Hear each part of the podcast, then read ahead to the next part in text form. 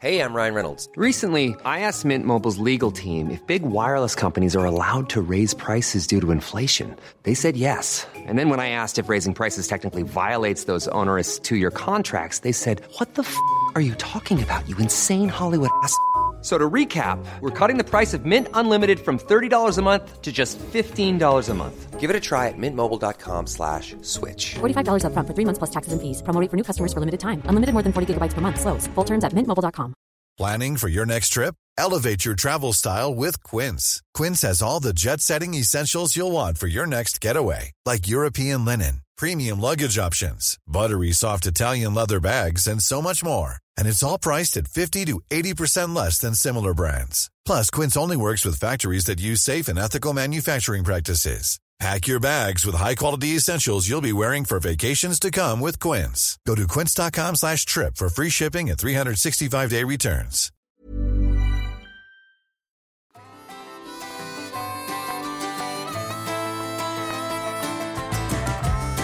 Hej och välkomna till ännu ett avsnitt av Toppenjakt. Eh, fan vad kul det ska bli. Jag heter Kalle och idag är jag med mig Pang-Anders och Larsa. Tjena, tjena, tjena. Tjena, tjena, tjena. Hur är läget? Jo, men det är bra. Det är ju, jag har suttit i en bil hela dagen igår och kom hem från sommarstugan. Det tar ju sex timmar, så att, eller hela dagen, men hela kvällen. Så jag är lite halvseg, men jag ska försöka hålla upp humöret och tempot och allt vad det är. Ja, vad skönt. Men annars är det bra. Du då Lars? Ja, det är bara, bara fint med mig. Jag har lite träningsverk idag. Jag har faktiskt börjat att träna igen. Åh, gött. Fan Wiklund, det är så speciellt när du är i din sommarstuga. Du har ingen täckning där, så att det blir liksom tyst från dig en hel vecka när du är på påsklov. Det, det, det känns ju konstigt. Ja, känns det konstigt eller skönt? alltså, första dagarna är det ju skönt, men sen behöver man få sig lite abstinens. Sen, sen, sen, sen saknar man han som bara kliver in och gormar runt och ryger runt och är liksom ett vedträ i, i korridoren tänkte jag säga. Jag tänkte vi skulle börja dagens podd med eh, en liten, vi har fått ett meddelande från en som heter Kristoffer. Eh, vi pratade för, ja det är ju ett, ett gäng avsnitt sen, så pratade vi om det här med ihjälsparkade hundar. Och, och jag Mm. sa att jag jag liksom tyckte att det var mest var en grej som folk sa som hade hundar som inte jagade, att de hade blivit sparkade så här. Eh, men Kristoffer, hans farsa, han har fått två hundar ihjälsparkade av älgar. Ja, det måste ju, wow, fy fan vad drygt alltså. Alltså så jävla segt. Men jag tror att jag tror att det är sällan man hör något om de ihjälsparkade hundarna. Man hör bara om när det går så himla bra när man släpper hundar tidigt. Oj, jag skällde ståndskall i tre timmar och var åtta månader gammal. Men man hör nog sällan om de som åker på en kyss liksom och sen är det klart. Ja, jag, tänker att det kan gå ganska fort. Alltså det räcker ju bara med en klockren pärla, sen är det väl över. Ja. Och man hoppas att hunden ska hinna undan, men, men Ja. tydligen så gör den inte det. Nej, men det är, väl, det är väl det som är problemet när man släpper för tidigt. Att de inte är liksom mogna nog och, och inte snabba nog i reaktionerna att, att hinna undan. Men jag såg ju någon, det var ju någon, vart fan var det, var det på Instagram? Jag såg det när de, de visade upp någon hund som hade blivit sparkad i skallen liksom och spräckt hela, hela pannbenet i stort Ja, sett. fy ah, fan. Men det, alltså grejen var ju att det var ju som en följetong så då, den kom ju tillbaka och jagade älg året efter. Den, där, Ja. så det var ju helt... Alltså den klarade sig. Ja, den klarade sig. Ja. Men eh, du är väl lite där nu Pang-Anders med humlan? Eller jag vet vi har resonerat om det, varit ute med humlan lite. Att ja, det är ju som en liten oro. Och är, när är det för tidigt för tidigt eller är de mogen och hela den biten?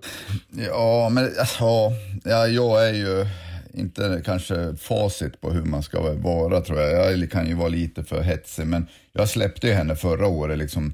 Eh, Problemet är ju det här, liksom. hon, alla säger att ja, du ska få skogsvana, hon måste få vara ute i skogen. Hon måste, jag kan ju inte gå kopplad i skogen med hon, då får hon ju ingen skogsvana. Nej, men hon, exakt. får ju, alltså, hon får ju vara i skogen, men hon får liksom inte... Så att där någonstans, till slut måste man ju bara bestämma sig. Nu släpper man hon, då finns det ju chans. chans chansen att hon hittar älg, med risken att hon blir sparkad. Så är det ju bara. Och Ja. den får man ju till slut bara tänka att ja, ska vi vara i skogen, ska, då måste vi ju, då får jag ju liksom chansa, eller man säger. Just det. Ja, med istass så tänkte jag i höstas, eller jag tänkte så med, med Nadja också, att, att, det, att som man släpper upp i Norrland, där är det inga problem. Det är bara att släppa. Där finns det liksom inget farligt, har jag alltid tänkt. Det är här nere med alla vildsvin som, man, som, som jag oroat mig mer för att släppa för tidigt. Och jag antar Ja, att men- risken är väl större här nere också. För det finns ju fler vildsvin, arga vildsvin än arga älgar. Jo, men det blir ju en helt annan sak. Och, och, jag menar, du kan ju faktiskt skrämma älgarna innan du... Alltså man kan ju låta lite grann och om man inte vill att hon ska få älgkontakt utan bara få vara springa i skogen så är det ju bara väsnas lite eller gå i medvind liksom kanske eller så, så är ju risken eller chansen mindre. Men, men grisar kan ju ligga och trycka i dagläger och allting så det himla Ja men länge liksom. Men och sen det, det där är väl svårt också för, för du vill väl också lite att hon ska hitta älg? Jo, jo, inte fan gick jag och ball... Jag gick ju inte och, jag gick ju inte och sjöng i skogen liksom. Jag gick ju smög som fan. Och så Eller- liksom eller- bara, "Åh, helvete, helvete, dra hon iväg dem. bara, "Jo, ja, ja, ja. Nej, men det, det blir ju en, eh, en, en, eh, alltså ja, det är jättesvårt att förklara men, men nej, jag ville väl att de skulle hitta men jag var lite skraj när hon väl hade hittat dem. Är, är någon älg farligare än någon annan älg? Jag tänker till exempel kanske ko med kalv. Kanske mer skyddande och kanske lite mer aggressiv, eller? Ja, jag fattar det som det i alla fall. Att, eh, att de är, och eh, tjurarna står väl lite tryggare va? Bara mest Tror jag. less på att det står gafflas runt omkring och sen går de iväg. Ja. Men det är väl också det här att de inte har lärt sig riktigt hur farligt det är det här. De har liksom inte, de är som en tonåring, som en annan var när man var tonåring. Liksom. Det fanns inga, fanns inga faror. Men, men det var ju kul att se med humlan när vi släppte henne i hägn. Att så fort älgen minsta lilla ryckte till så blev humlan jätterädd och hoppade därifrån. Och höll Ja men det var, väldigt, det var, väldigt bra avstånd också så det var jättekul att se att hon ändå är... ja, det var, det var skönt att se. Och så jobbade ju Kelly också med grisarna i, i när vi släppte henne i hängnet. Den här som jag lagt upp på YouTube. Ja, Eh, precis. ja, då fick vi plugga den också. Gå in på YouTube, sök på Toppenjakt så får ni se en massa härliga filmer. Eh, men att då när grisen gjorde utfall mot henne, då springer hon och sen så sa Peter så coolt att då använder hon hörseln.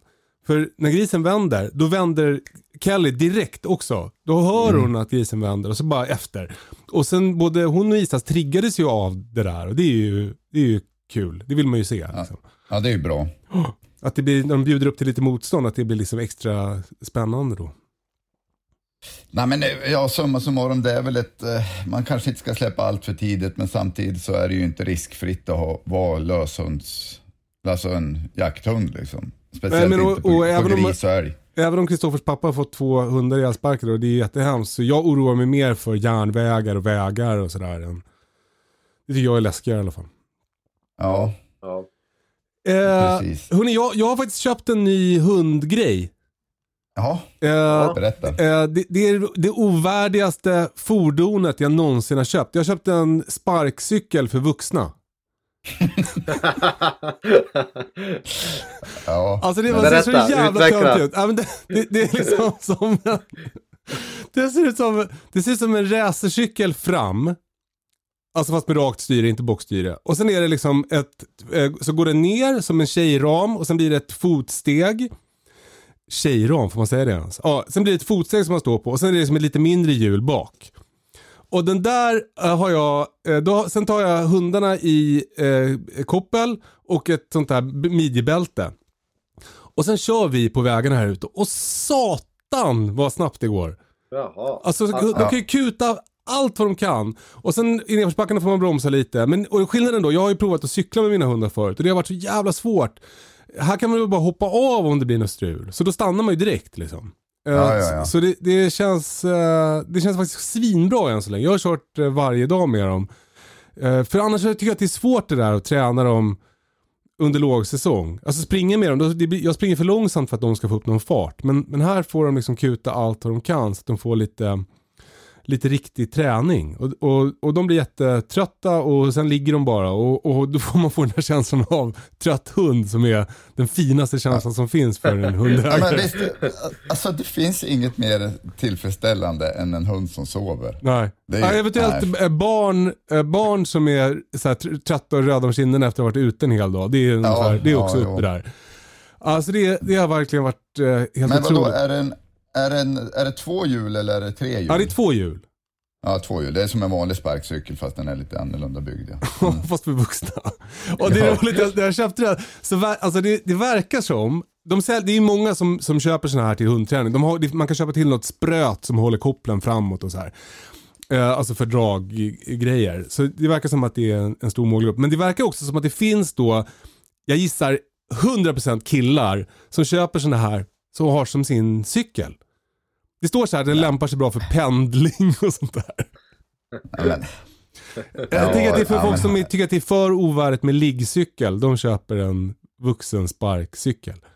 ja, men varför köper man då inte bara en vanlig cykel? Ja, För att man vill liksom vara lite speciell tror jag. Jaha, ja, ja. Har ni liggcyklar i Norrbotten? Det, jag tänker att det finns nog inte där va? Nej, det, det är väl, ja man, man, oh, jo, jo, jo, det, nu har jag sett någon här. man säger ju någon på E4, va? oftast är det ju någon som har cyklat från typ Tyskland och ska upp och se på Ja. midnattssolen.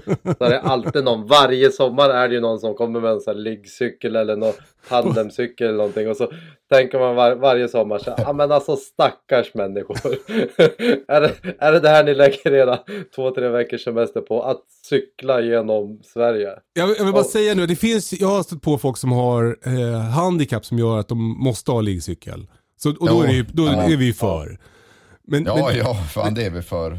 100% för. men det finns ju något med det där att, att man måste ha en liten vimpel som liksom signalerar att här kommer han som, inte, som är för fin för vanlig cykel. Men, Eh, men, men det kanske inte är så mycket jakt och allting. Men, men jag måste bara fråga er. Alltså det här cykelgrejen, för vi, våran sommarstuga ligger precis vid den här Sverigeleden om man säger. Där, där de cyklar då, de som cyklar ska cykla hela Sverige eller vad fan det är. Det är alltid någon varje sommar som...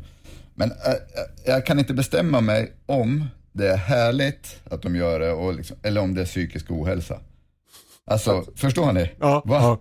Alltså, jag tänk, ibland tänker jag så här, fy fan vad härligt och vad starkt av dem göra det. Alltså, ibland tänker jag, alltså det här är, det är, finns ju någonting som inte är friskt med det här. ja. Alltså, Ja, jag, jag, jag, jag, tänker att det är jag- liksom lite vad, man har för, vad de har för ingångsvärde i det. Jag tror att det är lite olika från fall till fall. Alltså jag tror Ja, vissa, vissa, är nog, vissa cyklar nog från något. Alltså att de rymmer från sin ångest. Liksom. Men det kan väl också finnas bara människor som till exempel eh, vill hitta ett hållbart sätt att se Sverige och så här. Då är man ju för. Det är bra. Jag, alltså jag är uppvuxen utanför centrum eh, i en skog tänkte jag säga.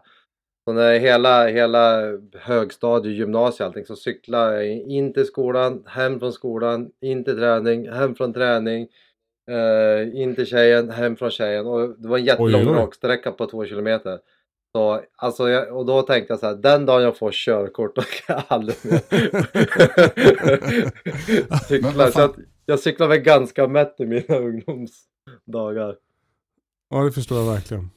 Ja, men sparkcykel, det lät ju härligt. Jag har faktiskt rastat Humlan här nu under påsklovet. Jag har varit där nere en vecka nu med, med skoter.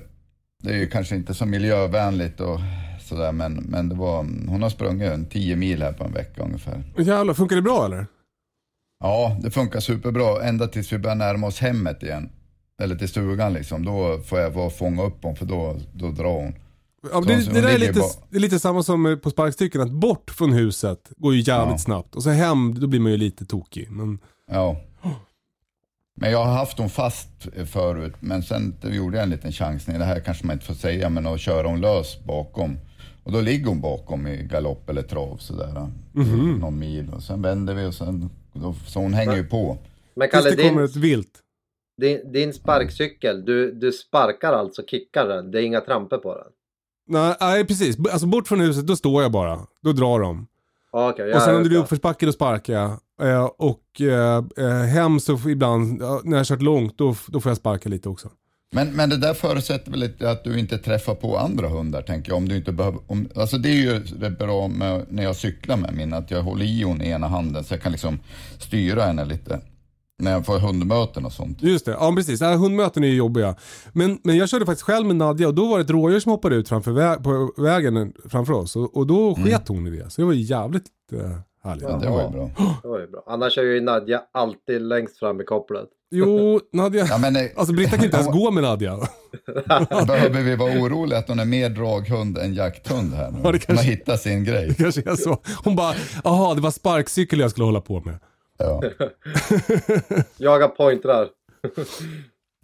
Ja, äh, det känns jävligt kul i alla fall. Så det kan jag rekommendera. En sån här sparkcykel. Eh, och jag tror att om man har en hund, då kanske man kan köra vanlig cykel. Men, men eh, nu när jag har tre, det är för svårt med vanlig cykel. Så då, ja, nej det går ju fan.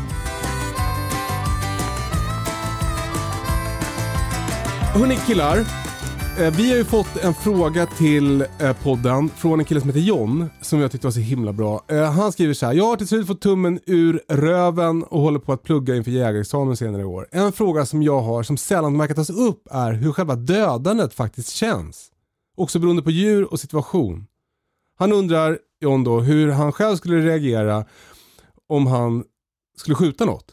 Och, och det, Ja, det där stämmer ju. Det, det är ju någonting som inte tas upp så, så ofta. Eh, utan det, det är också som att man liksom låtsas om lite när man pratar om jakt, att det inte är någon grej. Nej, nej, den är ju svinbra fråga för den är ju heller inte, alltså den, eh, ja, jag tycker inte att den är, det är helt okomplicerat att döda Nej men berätta. djuren. Nej men eh, alltså kanske, om, om man ska säga så här, själva dödandet när den skjuter skottet eller någonting, det, där har jag aldrig någonsin funderat liksom på, för då, då är man så inne i det. Eh, men det är, och framförallt större djur, jag ska säga fåglar har jag aldrig riktigt reflekterat över. Eh, men, men älgar och, och sådär, att nej, men när, när allting är klart så är det ju ändå en känsla av att det är skönt att det har, har gått bra såklart. Men också lite det här, vem fan är jag att ta ditt liv? Ja. Ja. Det, det, det, kan, det kan jag liksom eh, stå och fundera lite på. Och jag har heller aldrig egentligen så här hoppat runt och bara skrikit yes, yes, vad kul och vad härligt att jag... Alltså det finns någonting i en och, och som, som blir lite deppigt när man väl har skjutit djur tycker jag. Och, och, och där du säger att jag, jag tror man blir, ju, man blir ju glad eller man får ju adrenalin när man, när man fäller ett vilt. Men det tror jag inte är över själva, i alla fall om jag går till mig själv.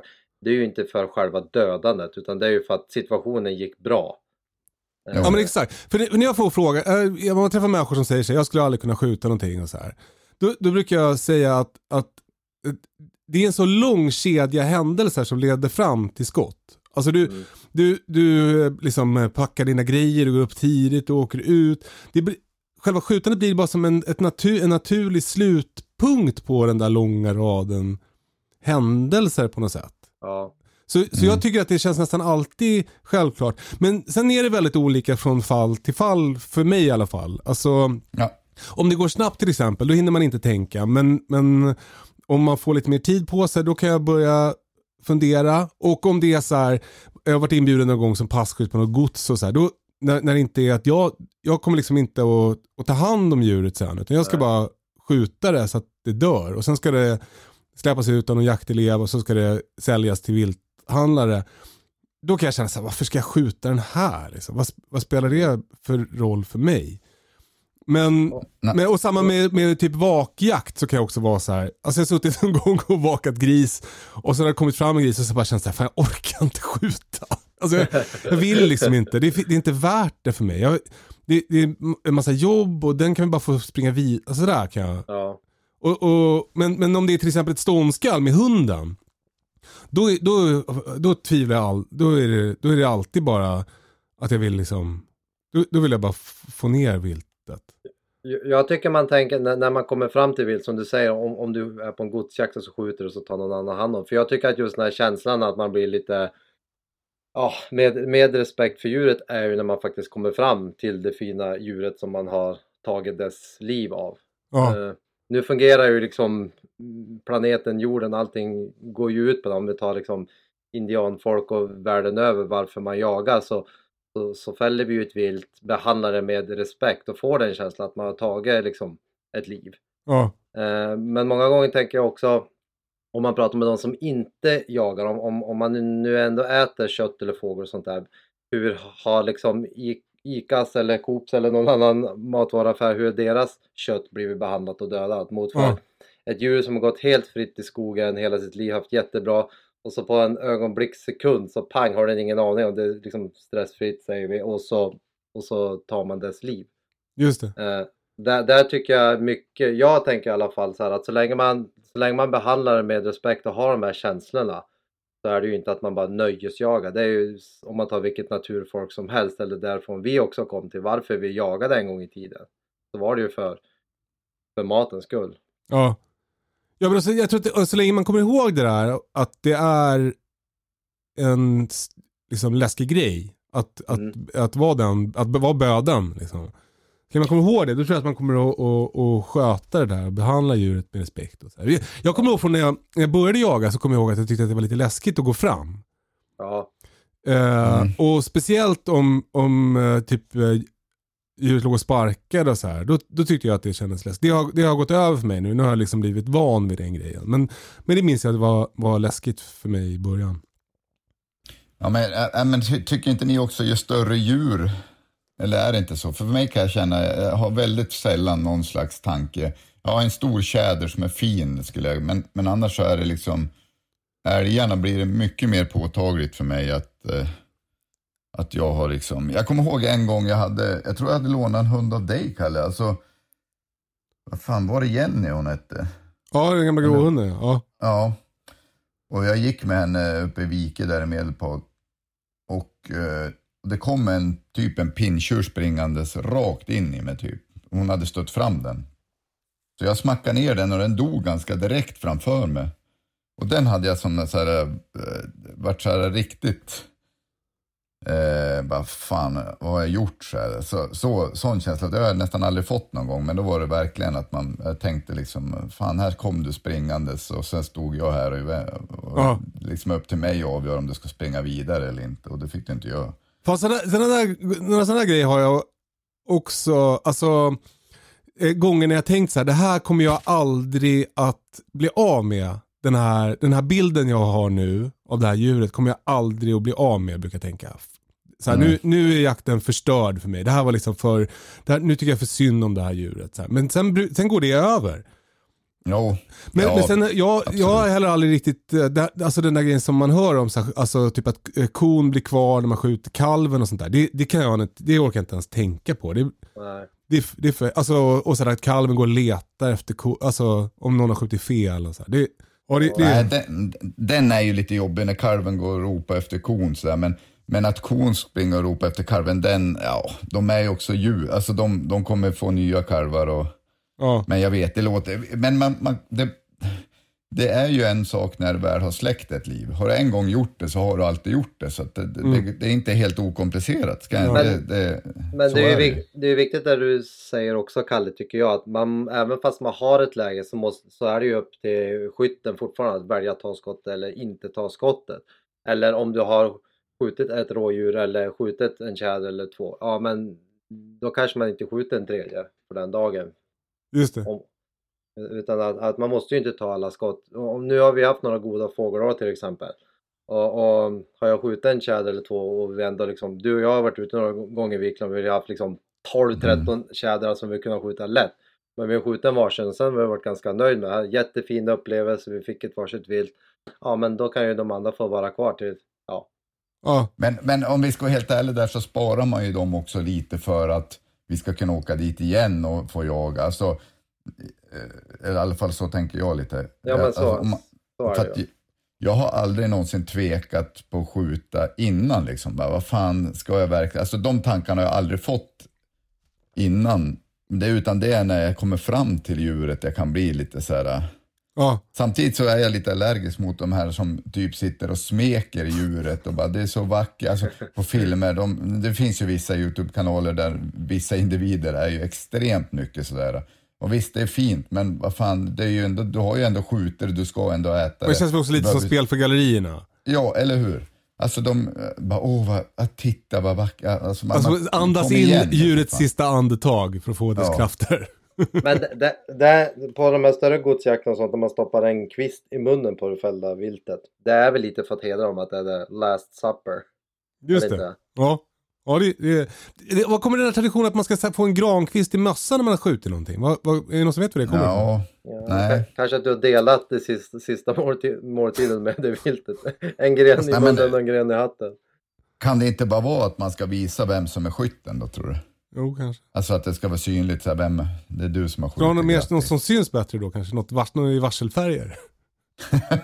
Alltså om någon det, om det verkligen är ett mål, att du verkligen behöver visa vem det är som har skjutit. Så om det kommer någon med en hel granplantering på mössan, då vet man här är det en storjägare. Ja, man ska ju ha någon sån här trofé som går runt och till skytten. Alltså någon stor jävla röd hatt eller någonting som man... Alltså en jättehög hatt. Eh, men jag, jag som också eh, har börjat det här med att ha tamdjur. Jag har ju då fått eh, ställas inför att avliva både höns och får. Mm. Och det var jätte... Höns, det, det tycker inte jag, det, det, det känns inte så mycket för mig ännu. Eh, eller jag har aldrig gjort. Men, eh, men däremot så, eh, lammen, alltså bagglammen som jag, som jag ja, slaktade i höstas. Det var faktiskt eh, svinjobbigt. Ja, Eh, och, det, och där är det, om man, om man tänker på den här liksom bilden av att det är en lång kedja händelser som leder fram till skottet i skogen. Så är det ju precis tvärtom med tamdjur. Där har man ju varit beskyddaren. Ja. Jag har ju liksom hållit dem vid liv sedan de kom ut ur, ur sina mammor. Så har jag sett till att de har klarat sig. Jag, två av dem där har jag ju till och med flaskmatat liksom. Ja. Och sen att plötsligt efter ett halvår slå om till att bli deras bödel. Det känns ju liksom jättekonstigt. Men Ja, då, får man på sätt, då, då fick jag som stålsättare mig att tänka så här, det här är mitt ansvar som djurägare. Man kan liksom inte ha jättemånga baggar. Det, det är ingen som har det, man kan inte ha det. De blir dumma, de eh, bråkar med varandra och bråkar med människorna. Så, så det, och, och liksom, anledningen till att man har får är ju för att få lammkött. Ja. Så, så då fick jag bara bestämma mig för att nu gör jag det här. Men, men det var... Och jag, jag tänker att eh, för, förmodligen så har jag, liksom, jag har blivit förberedd av alla gånger jag har skjutit i skogen. Men, men det var något annat. Jo men du har ju en relation med de djuren. Liksom. Ja. Du, alltså, du har det ju inte med älgen som du helt plötsligt ser eller vid grisen som kommer springande förbi dig. Nej. Och där är du ju, du är ju, du är ju ute i skogen för att, det tycker jag hjälper en mycket. Man är ute där för att skjuta ett djur. Ja, Och när det precis. väl dyker upp, alltså första djuret var likadant. När det väl dök upp, då, alltså jag var ju så inne på att jag är ju här för att jaga dem. Ja men det är det jag menar med den där. Det är det jag menar med den där långa kedjan händelser. Att det är, som, det är Mm. ett naturligt avslut på det där man håller på med. Och som Ja. du säger Kalle, till tamdjur så har du byggt en relation. Mm. Du har ju inte liksom byggt en relation med älgen. Såvida det inte är en älg som du hållit på att jaga efter 20 år. Så att det blir någon slags relation. Alltså vit älg. Låt älgen vara för fan 20 år senare. kanske ska satsa på något annat. Ja. Älgjakt kanske inte är för dig. ja, nej, så jag måste vara jättemycket tuffare att, att ta ett tamdjursliv som man ändå har byggt en fin relation med. Men, men sen är det också, det, jag har märkt att det är också en vanesak med, med det också. Det, blir- det har blivit lättare. Alltså vi hade en bagge som skulle vara här och betäcka våra tackor nu. Eh, som var alltså ett baggland från förra året som, som bara skulle ligga med våra tackor och sen bli mat. Och, och, och honom hade jag i och för sig eh, inte lika stark relation med eftersom jag inte hade känt honom sedan han var liten. Men, men det var, kändes, det kändes lättare. Liksom. Men, men blir det inte sådär lite grann också, man blir ju lite avtrött, alltså när du har skjutit ditt första vilt liksom, då har du ju gjort det. Det, det, det, det jag menar är att det, det, ingenting blir sig likt efter det. Ja, Det är sam, lite samma som att se många döda människor, alltså se lik. Till slut blir ju inte det samma sak som första liket liksom, eller någon, om man, ja, människor, alltså allt man, det blir ju en vanesak också. Kroppen vänjer sig, skallen vänjer sig ja. på något sätt. Mm, mm. Men det finns ändå något i liksom, olika sit- situationer som kan Ja. göra det värre, eller vad man ska säga. Ja, men helt klart. Så att, eh, och det tycker jag väl att det ska, mm, alltså på något sätt. Man, mm, kanske inte ytterligheten där man ligger och sitter och smeker djuret en halvtimme efteråt, men, men man måste ju på något sätt ha någon slags tanke på djuret, tycker Det- jag, när man har skjutit det. Det, det, nu ska jag inte säga att det är en fara, men om vi tar ytterligheten åt andra hållet, att man är helt likgiltig till fällat vilt, då kanske man också ska fundera på varför man jagar. Ja men då är Mm. man väl psykopat. det bestämmer vi helt enkelt. ja. Eh, så. John, för att svara på din fråga. Eh, det, det kommer att kännas konstigt första gången antagligen. Eh, men det kommer att kännas mindre konstigt än vad du tror. För att det kommer att kännas Mm. naturligt som att det, det är det är bara kulmen av det där som du inleder nu när du har bestämt dig för att skaffa jägarexamen. Precis, Är det, känns det eh, som att det Jättebra är vårt svar? Mm. superbra. Här har vi fått en fråga från Vi har fått en fråga från Henrik som skriver så här. Hur ska jag tänka inför den dagen jag ska skaffa jakthund? Eh, och då tänker jag vända mig till dig Lars, för du är ju lite i, i startblocken inför att skaffa din första jakthund. Ja. Hur, hur tänker du? Ja, jag tror väl primärt att man ska tänka att man har tid för det. Det är väl som att både att skaffa barn eller skaffa hund eller vad man nu skaffat sig. Att, att man känner att ja, men nu, nu har jag tid för det. Så att man inte skaffar någonting, till exempel en jakthund för att alla andra har en jakthund eller någonting. Det måste ju fungera i, i livet. Ja men det, då där kommer jag, där vill jag bryta in direkt. Det där Mm. jag håller inte med. Alltså för, för både när det gäller att skaffa barn och när jag skaffar hund. Du kommer ju aldrig känna så här: nu jävlar, oj vad mycket tid jag har. För man har ju aldrig någon tid om man inte är Nej. liksom pensionär. Nej, nej det, Så- det, så- Jens, så jag tänker Jens att man- sa ju det jättebra förra gången att, det, att ta jägarexamen, det, det, det är aldrig rätt tid. Nej men exakt, utan det, är bara, det får man liksom bestämma sig för att man vill jättegärna och då göra det.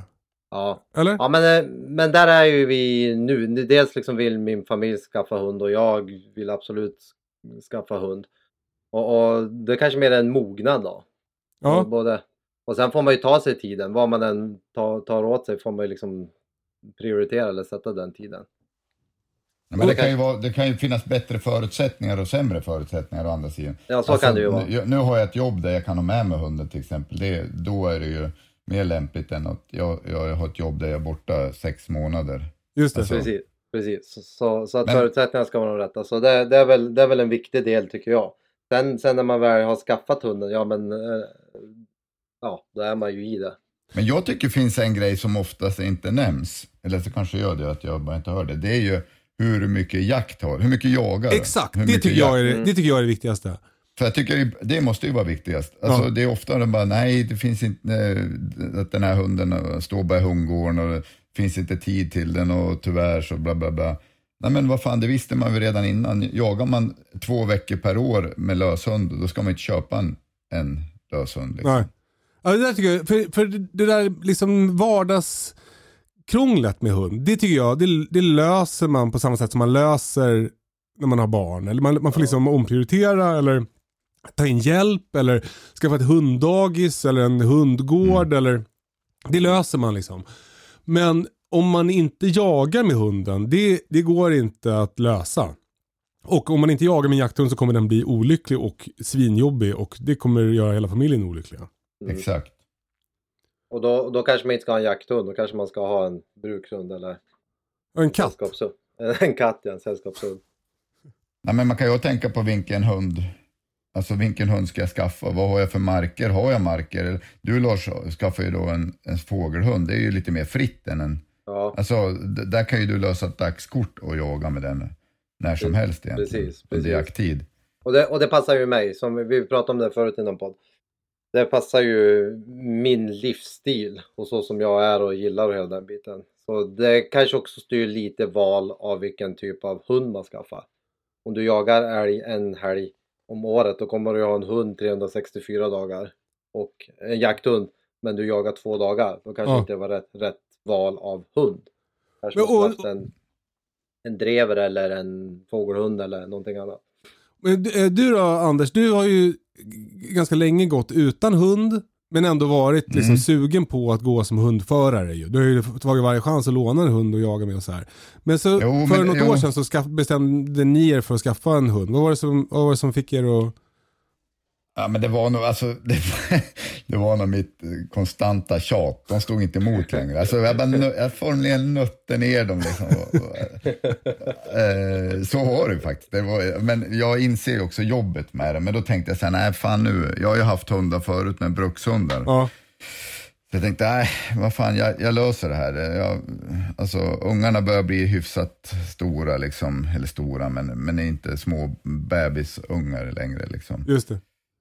Och eh, nej, men sen till slut fick jag bara, ja, men köp en då. Och då tog det ju typ två veckor innan jag hade.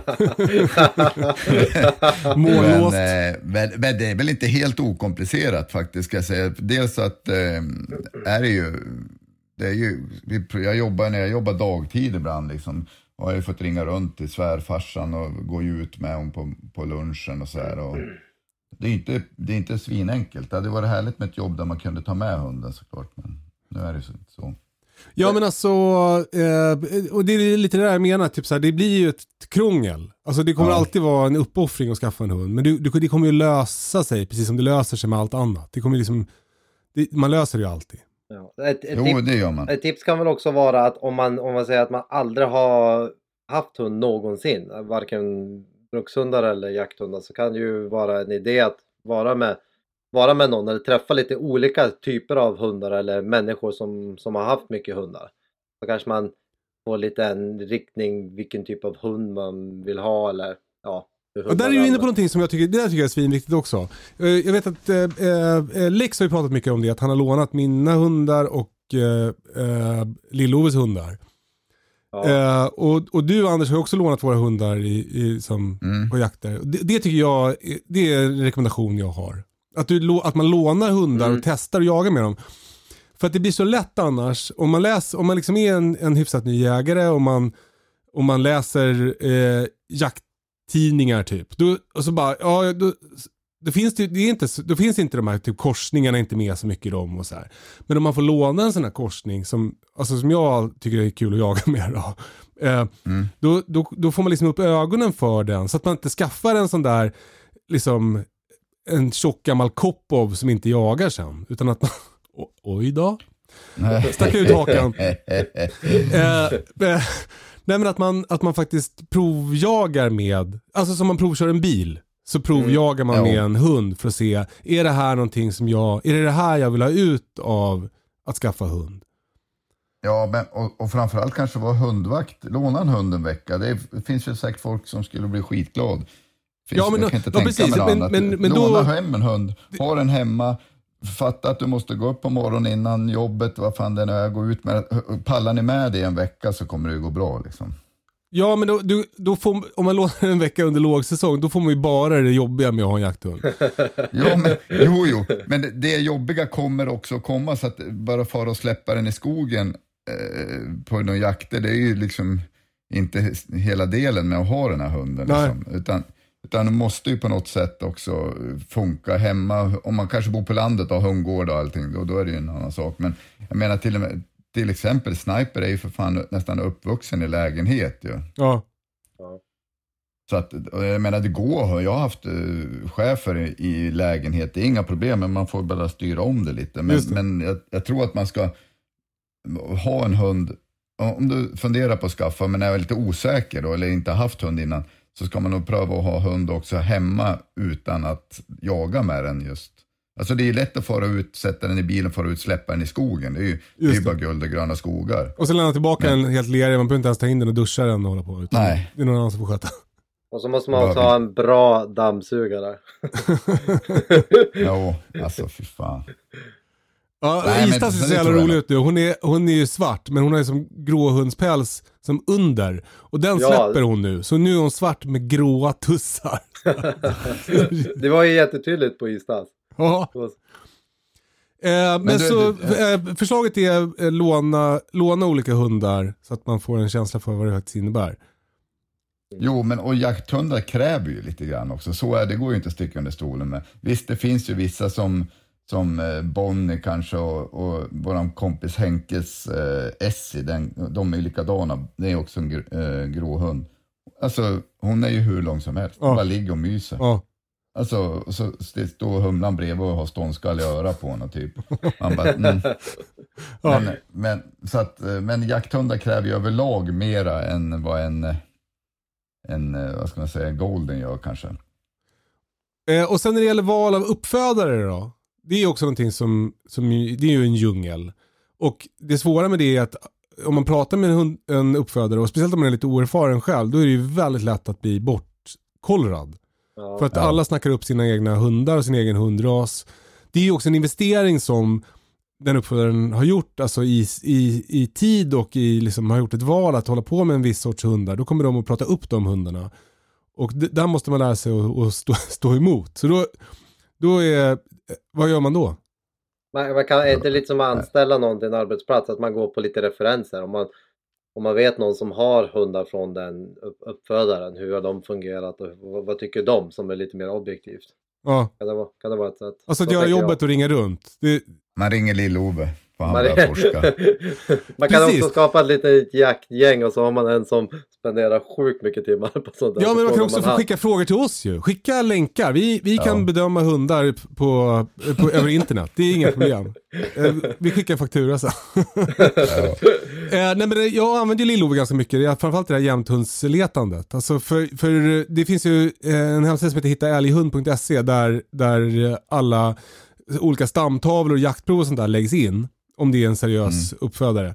Så där kan man ju då gå in och kolla på föräldrarna långt tillbaka i, i många led för att se hur de har, har presterat på jaktprov. Och det, jag kan inte, jag har liksom inte tålamod att sätta mig in i riktigt hur det funkar på den här hemsidan. Så jag, jag frågar Lill-Ove så kollar han. Men det, det, det är också någonting som, där får man ju Och- liksom papper på hur hunden är. Och- och Eller hur föräldrarna är. Det är ju en jättehärlig styrka och, vi, och förutom kamratskapen som, som vi har i toppenjakten så är det ju, vi har ju alla olika styrkor. Någon eh, gillar vapen och prylar, någon är jätteduktig på hunduppfödare och, och är Man är bra helt- på podcast. Någon är bra på podcast. någon, är, någon har dåligt Vad ljud. fan, ja, fan vart kommer jag in? Du har inte nämnt mig igen Lars. Nej, jag Kom ska fundera på vad du är bra på. du, Ja, men du är en kulturbärare Anders. Ja, ja okej, ja. Ja. ja, du, du är en bra, bra motor och bra på att skrikprata. men, eh, och vi får ju faktiskt en hel del frågor om det. Att ja, men hur hittar man lika skönt gäng som er och bla bla bla. Och där tror jag, och, och alla, alla län har ju jaktvårdskretsar och jaktlag och jättemånga som här i Norrbotten så kan man ju gå med i ett lag. Då får man ju situationstecken jaktkompisar och kan prata och, och liksom resonera med kunniga jägare och sånt där. Och Jägarförbundet Nu, jag hjälper tror kanske att man, folk kommer bli besvikna om de Ja. tror att de ska hitta Ja. ett sånt, Alltså- som vårt gäng, om de går med i ett, va- bara vilket jaktlag som helst. ja.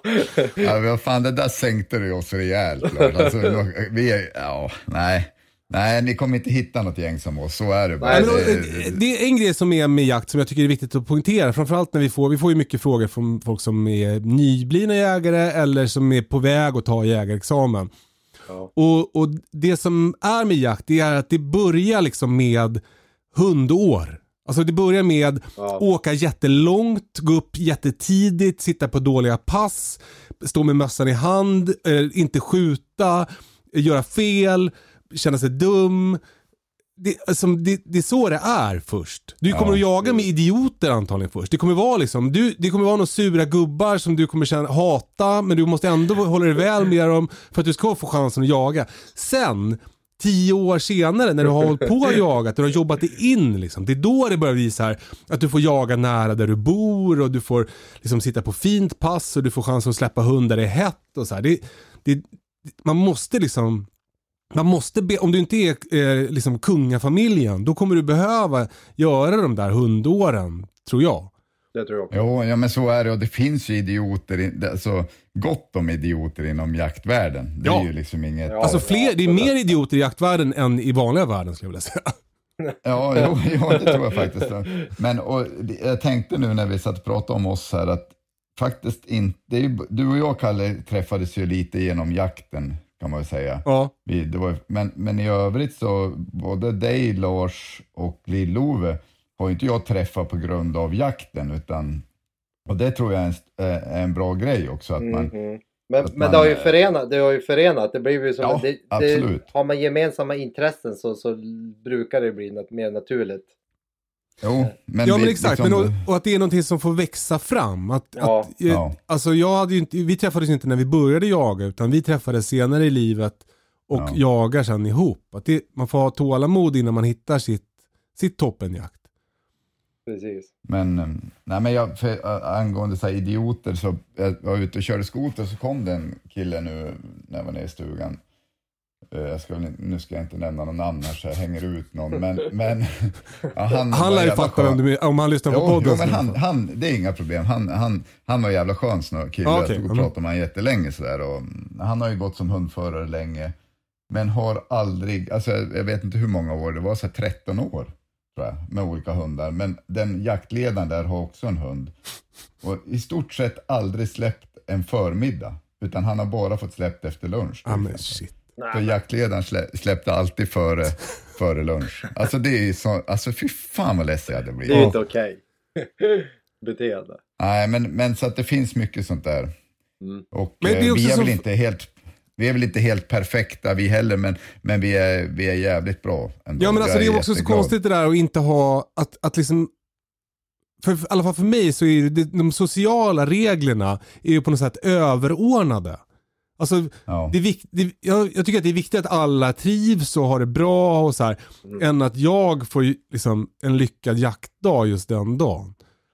Och jag tänker på 13 år så är det ganska många gånger han kunde tänkt så här, ja Nej, ja, men det var, jag han kan kommer väl inte få ihåg exakt vad det var, men det var som han bara, nej, det vet men nu, nu börjar han bli gammal så att nu ska han få, nu slutar han väl snart och då, alltså, ja. Ja, men det- men, det var både, både inom fiske och jakt och inom ja, vår lilla grupp då, Toppenjakt. Det som är så sjukt härligt med människor som tycker det är roligare att andra lyckas än att man själv lyckas.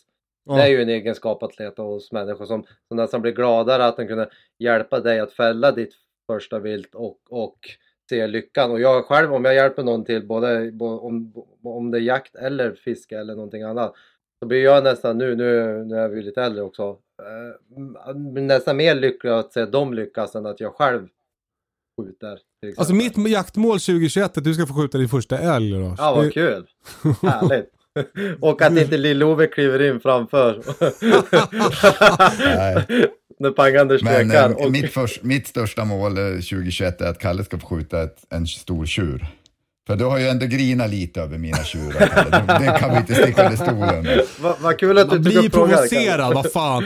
Ja, men alltså, om du skjuter någon, någon bara, ah den där, jag typ lämnar den i skogen för att den är så för liten. Och, och då, det var liksom det sjukaste älg jag sett i hela mitt liv, typ en tio taggar eller någonting. Du bara, ja, bä. Typ Nej, sågar men- av hornen för jobbet och, och, och ha på, på elddragaren. Ja, eller var det för att vi skrev upp den som ko? Nu kommer inte jag ihåg riktigt. Nej, nej, nej. nej då. Nej, men jag har ju en, jag har spar, alltså, jo, okej, jag, jag är inte någon troféjägare så, men jag har ju två stora tjurar. Det blir ju som så här, vad, ja, en tio, tio taggar, var ska, jag får ju som inte, nu låter det kaxigt, jag får inte plats med något mer. Det där är så jävla, alltså jag är ingen troféjägare. Det är som att, någon med jätte, jättestor penis som bara, nej men jag tycker inte att det är så viktigt med stor kuk. Jag tycker inte att det är något. nej, ja, ja okej då, vad fan ska jag förklara mig då? Okej, det, det, nej, de är inte, en nio taggare är ju som, nej. Det, Vi, vi byter ämne innan Ja, ska jag, min största älg jag har skjutit är fyra taggar. Ja men du hade ju, första jag såg hemma hos dig var ju som ett lite så här, en, ett cykelstyre som du hade ju monterat. Det tyckte jag var så jävla gulligt. Jag bara, så, vad fan har den där på väggen alltså? Ungefär Min som- första älg, jag vill ha, ha, ha som minne. Ja, Det var just Ja. lite större än, än styret till sparkcykeln. ja. Nej, men det, det har jag haft tur, jag har haft tur också. Är det tur? Eller? Alltså det kan ju inte vara tur, du har skjutit så jävla många nu. Nej, men, det, nej, men det, jag tror att det är en blandning, men lite när man är passkytt är det inte ganska, okej du ska ju sätta skottet, där, det är ju det första, där är det ju någon slags skills, att Men- kunna men- skjuta men- och träffa. Men det är ju Men, din, men nej. det är ju din kompetens i gruppen Wiklund. Det är ju att du har ju tur. Som vi, nu när vi gått på Youtube och vi måste få till exempel någon jakt på film eller något fältvilt. Då skickar vi ut Wiklund på sämsta pass. Ingen har skjutit någon vilt på tio år. Du kommer ju skjuta en stor älg där. Ja. Det blir, ju, det blir ju jättebra. Det är ju din skill. Ja, kanske är det. Tur. Nej, men, men i övrigt är det ju lite, sitta på ett pass, vad fan, jag sitter hyfsat tyst om man ens behöver göra det. Det gäller ju bara att älgarna kommer till det passet. Så lite tur är det väl att sitta. Ja, men, och sen en du vilja skjuta annars- också. Alltså som till exempel vår kompis Magnus Pelve satt ju på ett jätte, jättefint pass i, i fjol och Nadja kom med en stor tjur. Alltså en, riktig, en riktigt fin, inte som dina såklart, men, men en riktigt fin tjur. Ja. Så sköt han inte. Nej, det är ju under all kritik. Ja det är för jävla dåligt. Nej, men man måste skjuta för att träffa, så är det ju. Det, det är ju 100% mer chans att du fäller viltet om du skjuter, men sen kan du inte slänga iväg massa dumma skott. Men Man ångrar aldrig ett Det- skott man har tagit. Eller hur? nej, så kan det vara lite ibland. Man missar alla skott man inte tar, så, ska man, så är det väl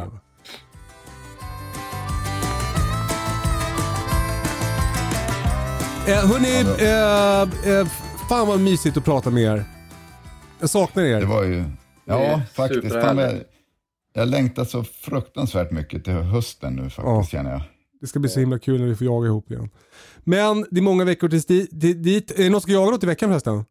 Nej, men vi håller ju på att planera in, jag och Lars, en eh, bäverjakt här va? Mm, men det är mm. inte nu i veckan utan det är väl om två veckor Lite kanske. längre Och, och jag droppade ju igår, här i Norrbotten och Västerbotten har vi ju bisam. Det hade ju varit lite kul att prova. Jag vet att folk jagar. Bisonoxar? Bisamrotta. Oxar har vi inte. Myskoxar kanske. Det har varit så jävla mäktigt. Vi har fått in bison här nu, vi måste skjuta dem. Ja, precis, jag skjuter inga älgar men jag skjuter jättestora bisam. Ja. Men okej, hur jagar man bisamrotta? Snabbt Ja, det är så pangan måste jättekort- iväg. Jättekort fönster nu när våren kommer så går de upp på isflaken och sitter på kanterna och mumsar. Mhm, Och så skjuter man med en liten kaliber. Jag tror man måste ha båt eller? okej. Ja, spännande. Eh, spännande. Jag fick så jävla bra samtal igår. Eh, eh, Min yrkesjägarkompis Martin ringde och sa eh, Kalle kan du åka ut och jaga bäver? Vi har några problembävrar vi skulle behöva bli av med. Det, det var ju, det låter ju lyxigt. Jaha. Ja, verkligen. Så jag ska försöka ta någon kväll. Jag frågade Essa, min, min femåring, om hon ville följa med. Hon sa nej. jag tänkte det var perfekt Ja, men så här. då- Det är liksom eh, inte ens sent, det är liksom ljusa fina Ja. kvällar. Hon bara, nej jag tycker inte om smällen. Okej, ja, den, Och, den men får du då, då sa du direkt här, men du får ju godis. Oh, det har jag inte ens tänkt på. Ja. Men du har ju också försökt. Den är ju bra liksom. Nej, men jag har frågat, jag försökte ju ta med mig ungarna här nu, de ville ju inte. Ja. Så att, Eh, apropå ungar så eh, har eh, Glenn, som är, han fyller 16 i sommar, han har sagt att han vill ta jägarexamen och nu har Britta och hennes brorsa dragit igång att de också ska ta jägarexamen. De ska göra det ihop allihopa. Ja men shit vad kul. Oj. Oj, vad jag, roligt. jag, jag, jag vet att det låter ju kul men det blir samtidigt ett problem om halva familjen ska iväg och jaga. Då lär jag få bli hemma. och ta hand om fåren. Ja, eller ta hand om Eh, eh, småbarnen. men ett ämne vi kan ta upp i nästa podd eller någonting kan ju vara, kan ju vara det faktiskt. Det är ju inte helt okomplicerat att jaga med respektive eller något sånt tror jag. Nej, Nu har jag aldrig gjort det men Vi Men har ju det några sköna kommentarer från följare bra. som har... när man ska göra någonting ihop när den ena är så här jätteintresserad och duktig och den andra är nybörjare. För oss brukar det aldrig funka speciellt bra i alla fall. Men vi pratar om det nästa vecka. Nu måste du iväg Anders. ja. Tusen tack för att till- lyssnar. ja. Följ oss på Instagram, Toppenjakt eh, och på YouTube, Toppenjakt. Eh, in och likea och kommentera och, och vad fan det nu är. Så blir vi jätteglada. Och eh, ha det så bra allihopa. Vi hörs sen. Hej då! Ja, ha det fint, Hej då, hej då. hej hej hej. då. Hej!